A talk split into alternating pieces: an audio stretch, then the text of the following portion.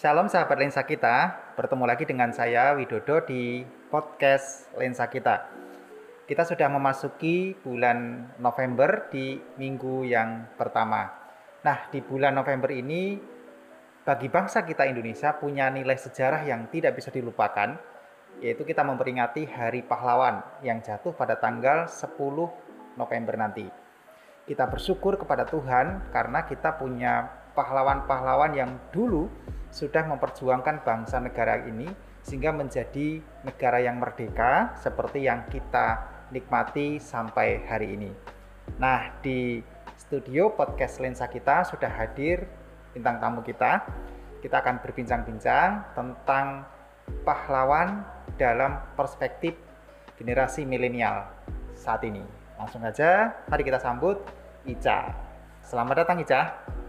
Terima kasih Kak Wi dan tim podcast yang udah ngundang aku di podcast Lensa kita. Ya, kami juga mengucapkan terima kasih sudah mau menghadiri undangan dari podcast kita ini, yaitu podcast Lensa kita. Kata pahlawan di dalam Kamus Besar Bahasa Indonesia itu adalah uh, seorang yang menonjol atau seorang yang mempunyai keberanian yang mau berkorban untuk kepentingan orang lain atau kepentingan orang banyak, mengorbankan apa yang ada pada dirinya dan mempunyai keberanian. Nah, Ica, kalau kita ngomongin soal pahlawan gitu ya, eh, kalau kita sebagai bangsa Indonesia kita ingat dulu sebelum bangsa kita merdeka itu ada banyak pahlawan bukan hanya satu dua yang gugur di medan pertempuran untuk mem, apa namanya merebut bangsa ini dari tangan penjajah sehingga kita hari ini boleh menikmati kemerdekaan menurut Ica makna dari pahlawan atau sosok pahlawan itu seperti apa? Ya, kalau pahlawan tentunya seseorang yang berjuang untuk kita, seseorang yang membela atau mereka yang rela berkorban buat kita. Mereka yang mungkin mengesampingkan kepentingan mereka untuk mementing, lebih mementingkan kepentingan kita gitu. Jadi mereka juga seseorang yang bisa menginspirasi atau menjadi panutan bagi kita yaitu pahlawan bagi saya. Nah, bagi Ica untuk konteks sekarang, artinya di zaman sekarang, adakah seorang yang menurut Ica itu menjadi pahlawan dalam hidupmu? Kita nggak bisa ngomongin soal negara gitu ya, soal bangsa ini. Kalau bangsa ini dulu pahlawannya banyak gitu ya, yang memperjuangkan kemerdekaannya sekarang dalam kehidupan kita sehari-hari secara khusus bagi Ica, adakah orang yang Ica anggap itu sebagai pahlawan atau berperan sebagai pahlawan? Ya tentunya kalau pahlawan hmm. eh, banyak ya yang menjadi pahlawan dalam hidup saya, tetapi oh. yang paling dekat itu pasti orang tua. Oh. Karena ya. orang tua kan yang udah kalau ibu yang udah melahirkan kita, mengandung kita, oh. ayah yang udah mencari nafkah buat kita. Oh. Nah, uh, kan di situ ada pengorbanan. Jadi mereka memang layak kita sebut sebagai pahlawan kita gitu. Mungkin kalau selain orang tua dalam konteks yang lebih luas lagi ada guru. Oh sekolah ya? Ya sekolah. Ah. Uh, karena uh, kita juga nggak bisa memungkiri karena kita bisa membaca, bisa menulis, menghitung itu karena ada peran guru di sana gitu. Yeah. Mungkin selain orang tua dan guru juga uh, kalau di gereja juga mungkin ada orang tua rohani gitu atau pembimbing rohani, ya pembimbing rohani gitu, gitu ya. kita bisa. Atau mungkin teman kita atau sahabat juga bisa jadi pahlawan kita. Mungkin saat kita kesulitan gitu kan belajar ah. tiba-tiba mereka datang nawarin bantuan. Nah dah. Oh, okay. jadi penolong buat kita gitu. Jadi pahlawan dalam hidup kita gitu ya, ya. Nah, uh, itu tadi alasan bagi Ica uh, seorang yang sudah mengorbankan ya. Baik itu mengorbankan waktu tenaga pikiran sehingga boleh mempengaruhi hidup kita. Seperti kalau guru tadi kita bisa membaca gitu ya. Kalau orang tua kita bisa apa dari, dari kecil dibesarkan gitu sampai sekarang gitu ya. Itu uh, pahlawan bagi Ica. Tentunya kita bersyukur ya uh, ada pahlawan-pahlawan di sekitar kita. Nah, dalam bentuk apa kemudian kita bisa apa namanya mewujudkan rasa syukur kita, mewujudkan rasa terima kasih kita atau apresiasi kita, penghargaan kita kepada pahlawan-pahlawan yang ada di sekitar kita atau dalam kehidupan kita. Uh, ya, uh, untuk wujud syukur itu kan pasti banyak yang bisa kita lakukan. Hmm. Eh, dari hal yang paling gampang aja itu dengan cara kita mendoakan mereka gitu. Oh gitu. Atau bisa juga dengan kita menghormati mereka, kita menghargai perjuangan mereka karena kan mereka udah berjuang buat kita ya kita menghargai perjuangan itu. Atau mungkin suatu saat nanti saat kita udah mampu kita membalas semua jasa-jasa mereka gitu. Kalau orang tua kan kita eh, membalas jasa orang tua juga bisa gitu Hmm. atau eh, karena kalau kita udah mengasihi mereka, menghargai mereka kan sama aja kita juga udah menghargai dan mengasihi Tuhan gitu. Hmm. Jadi ada korelasinya ya antara Ya. kita mengasihi orang tua, mengasihi orang-orang yang apa namanya punya jasa baik dalam hidup kita dengan bentuk wujud mengasihi Tuhan gitu ya. Jadi itu memang nggak bisa terpisahkan ya. Ya benar. Menarik. Jadi apa yang kita lakukan dalam kehidupan sehari-hari itu sebenarnya mencerminkan juga kasih kita kepada Tuhan ya.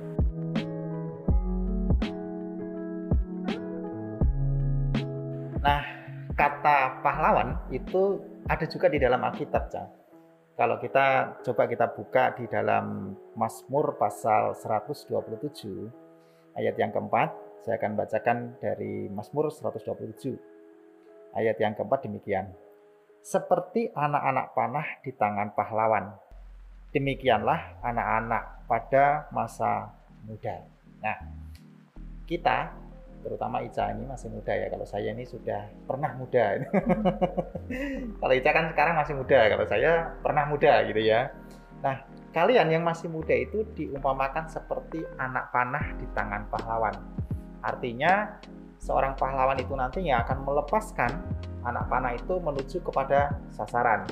Nah, bagi kalian, bagi Ica yang masih muda itu sasarannya adalah masa depannya, gitu kan, hari depan dan lain sebagainya. Nah, gimana sih Ca meresponi atau menanggapi firman Tuhan ini menurut perspektif Ica secara pribadi? Ya kalau di Mazmur ini kita anak-anak muda kan diibaratkan sebagai anak panah Betul. dan pahlawan di sini itu bisa siapa saja bisa orang tua atau tadi pahlawan-pahlawan yang sudah berjasa dalam hidup kita. Nah, eh, kalau diibaratkan anak panah, anak panah itu supaya berfungsi dengan baik kan melewati beberapa proses. Betul. Prosesnya itu nggak cuma satu dua, panjang dan itu pasti sulit.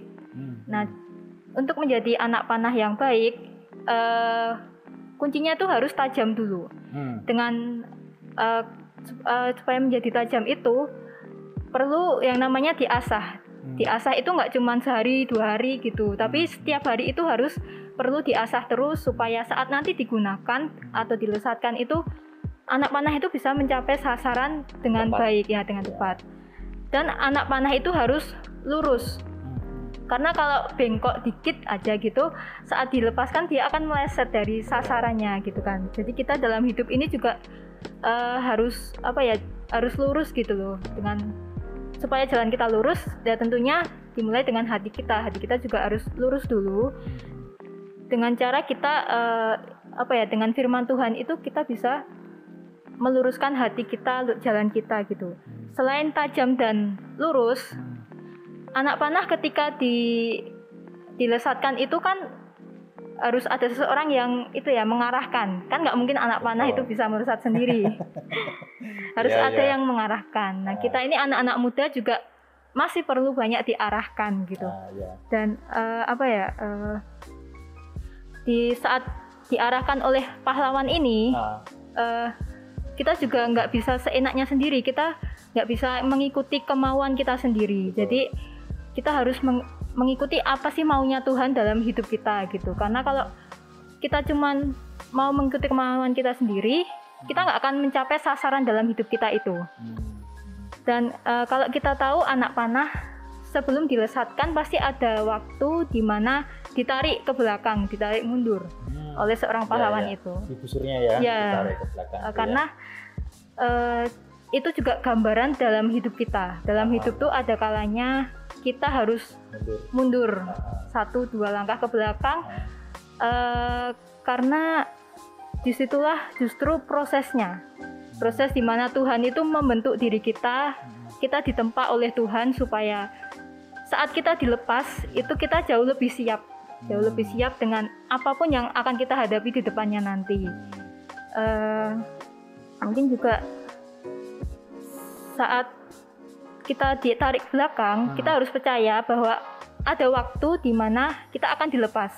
Nggak mungkin anak panah itu setelah ditarik itu didiemin aja kan nggak mungkin. Iya iya iya. betul. Jadi akan ada waktu Tuhan itu akan melepas kita, melesatkan kita. Jadi kita Ah. harus tetap percaya pada firman-Nya gitu. Oke, menarik sekali. Nah, eh, boleh nggak Cah dibagikan pengalaman yang apa namanya real atau pengalaman sehari-hari dalam bentuk tadi diproses, kemudian menarik diri itu kalau Ica boleh contohkan ada nggak pengalaman-pengalaman pribadi itu? Eh, kalau eh, pertama di keluarga ya itu Eh, aku masih inget banget waktu aku kecil.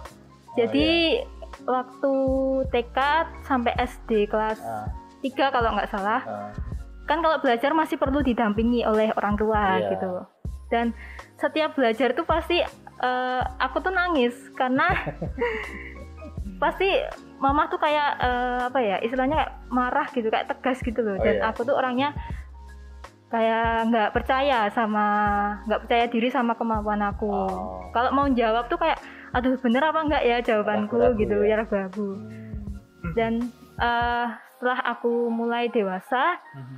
aku sadar bahwa waktu itu tuh sebenarnya karakter aku tuh sedang di- dibentuk Hmm. supaya aku tuh bisa menjadi pribadi yang lebih percaya diri Hmm. sama kemampuan yang aku miliki bisa menjadi lebih tegas dalam mengambil keputusan-keputusan dalam hidup aku ke depannya nanti Hmm. itu kalau di keluarga ya kalau Ah, mungkin kalau di sekolah dulu pernah ada satu waktu aku tuh membuat satu kesalahan gitu oh ya di waktu sekolah SD atau SMP? SMP Oh ya. jadi waktu itu pelajaran PKN kalau nggak salah Ah, Nah itu kan gurunya karena kakinya sakit mengajarnya tuh di perpustakaan karena kelas kan di lantai atas jadi nggak bisa naik. Karena eh, pelajarannya itu setelah istirahat. Ah, Nah waktu istirahat kan kita ada di kelas. iya iya. Nah setelah bel bunyi itu aku sama dua orang temanku tuh masih ngobrol-ngobrol asik di kelas gitu. Oh. Padahal teman-temanku udah turun semua ke bawah ke Oh. perpustakaan. Nah waktu itu akhirnya kita sadar kalau kita tuh tinggal bertiga itu yang di kelas gitu. Terus kita buru-buru ke perpustakaan. Ah, ah. Nah di situ kita dimarahin sama guru kita, disuruh berdiri di hadapan teman-teman gitu, Ah. sampai pelajarannya hampir mau selesai gitu Oh ya. eh ya di situ itu memang aku membuat satu kesalahan tapi Ah. memang eh itulah proses di mana aku diarahkan di mana aku di dibentuk supaya menjadi pribadi yang lebih disiplin lagi. Hmm. Nah, sejak saat itu aku disiplin kalau apalagi kalau pelajarannya guru itu gitu. Bahkan mungkin sebelum bel pun udah sampai ke ruangannya. Jangan jangan jangan gini loh ya, jangan disiplin karena takut dihukum lagi. Iya. Tapi Karena disip- sadar. Disiplin karena kesadaran tadi itu Iya. jauh lebih baik gitu ya. Oke, menarik sekali. Nah, dari pengalaman itu bisa kemudian eh, menarik diri, mengintrospeksi ya. Kalau boleh saya apa? Saya simpulkan dari apa yang dimaksudkan Ica, mungkin menarik diri itu mengintrospeksi diri ya. Ya. melihat sebentar eh, mundur sejenak ke belakang melihat diri kita oh ya ternyata memang itu sebuah proses gitu ya Iya. dan akhirnya sekarang bisa ada perubahan dalam dirinya salah satunya bisa mengambil keputusan sudah bisa mengambil keputusan sendiri Iya. harus ya Harus bisa. karena semakin hari semakin dewasa dan harus dituntut untuk boleh menentukan keputusan untuk diri kita sendiri nah bagi Ica untuk anak-anak muda sekarang generasi kalian generasi milenial gitu ya atau generasi digital atau apalagi ya istilahnya generasi Z dan apalah sebutan-sebutan untuk anak-anak zaman now gitu ya. Nah masih perlukah memiliki figur pahlawan atau kemudian apa namanya meng, mengapa ya bu? Mengidolakan atau bagaimana perlukah untuk eh, usia-usia kayak kalian zaman sekarang ini Ya menurut saya itu perlu juga Hmm. eh, karena dengan kita punya figur pahlawan dalam hidup kita itu kita tuh punya role model, punya panutan gitu. Punya patron ya Nah, eh, eh, apa ya? Kalau jadi dengan figur yang kita miliki itu nah, kita bisa mengambil nilai-nilai positif dari orang itu hmm. supaya kita boleh belajar, boleh Ah. kita jadikan teladan, kita eksplor- eksplorasi lebih lagi dan kita kembangkan dalam hidup kita Hmm. untuk men- eh, menghadapi kemungkinan-kemungkinan yang akan datang di masa depan nanti. Hmm. Gitu. Oke.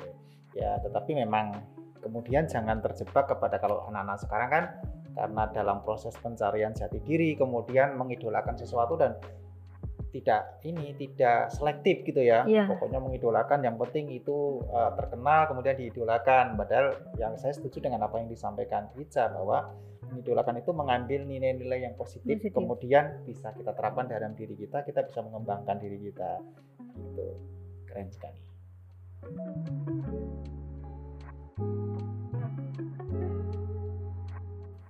Pahlawan itu dari dulu sekarang masih ada gitu ya saya pahlawan dalam hidup kita pahlawan dalam apa namanya komunitas kita bahkan secara lingkup yang besar pahlawan bagi bangsa kita.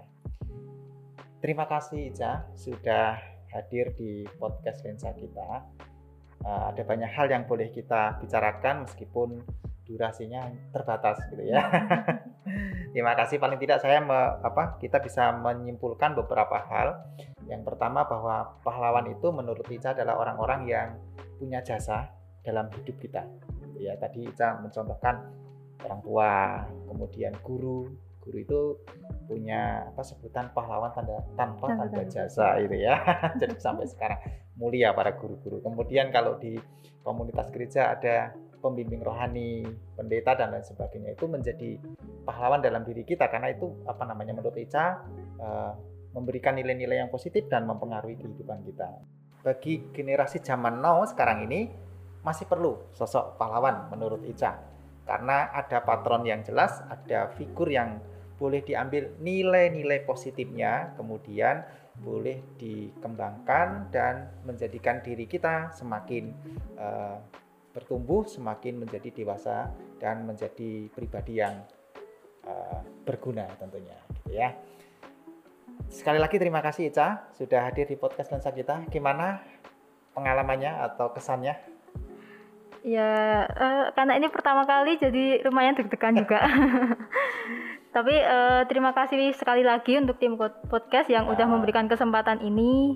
Saya Ya. bisa di sini eh, membagikan pengalaman dan cerita-cerita tentang kepriba- eh, hidup saya gitu. Oke, terima kasih juga ya.